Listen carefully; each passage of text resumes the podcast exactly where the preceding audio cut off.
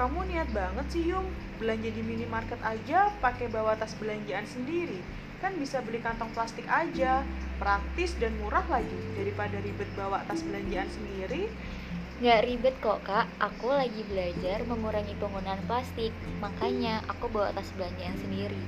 Meskipun kantong plastik murah, tapi plastik sama sekali nggak ramah lingkungan.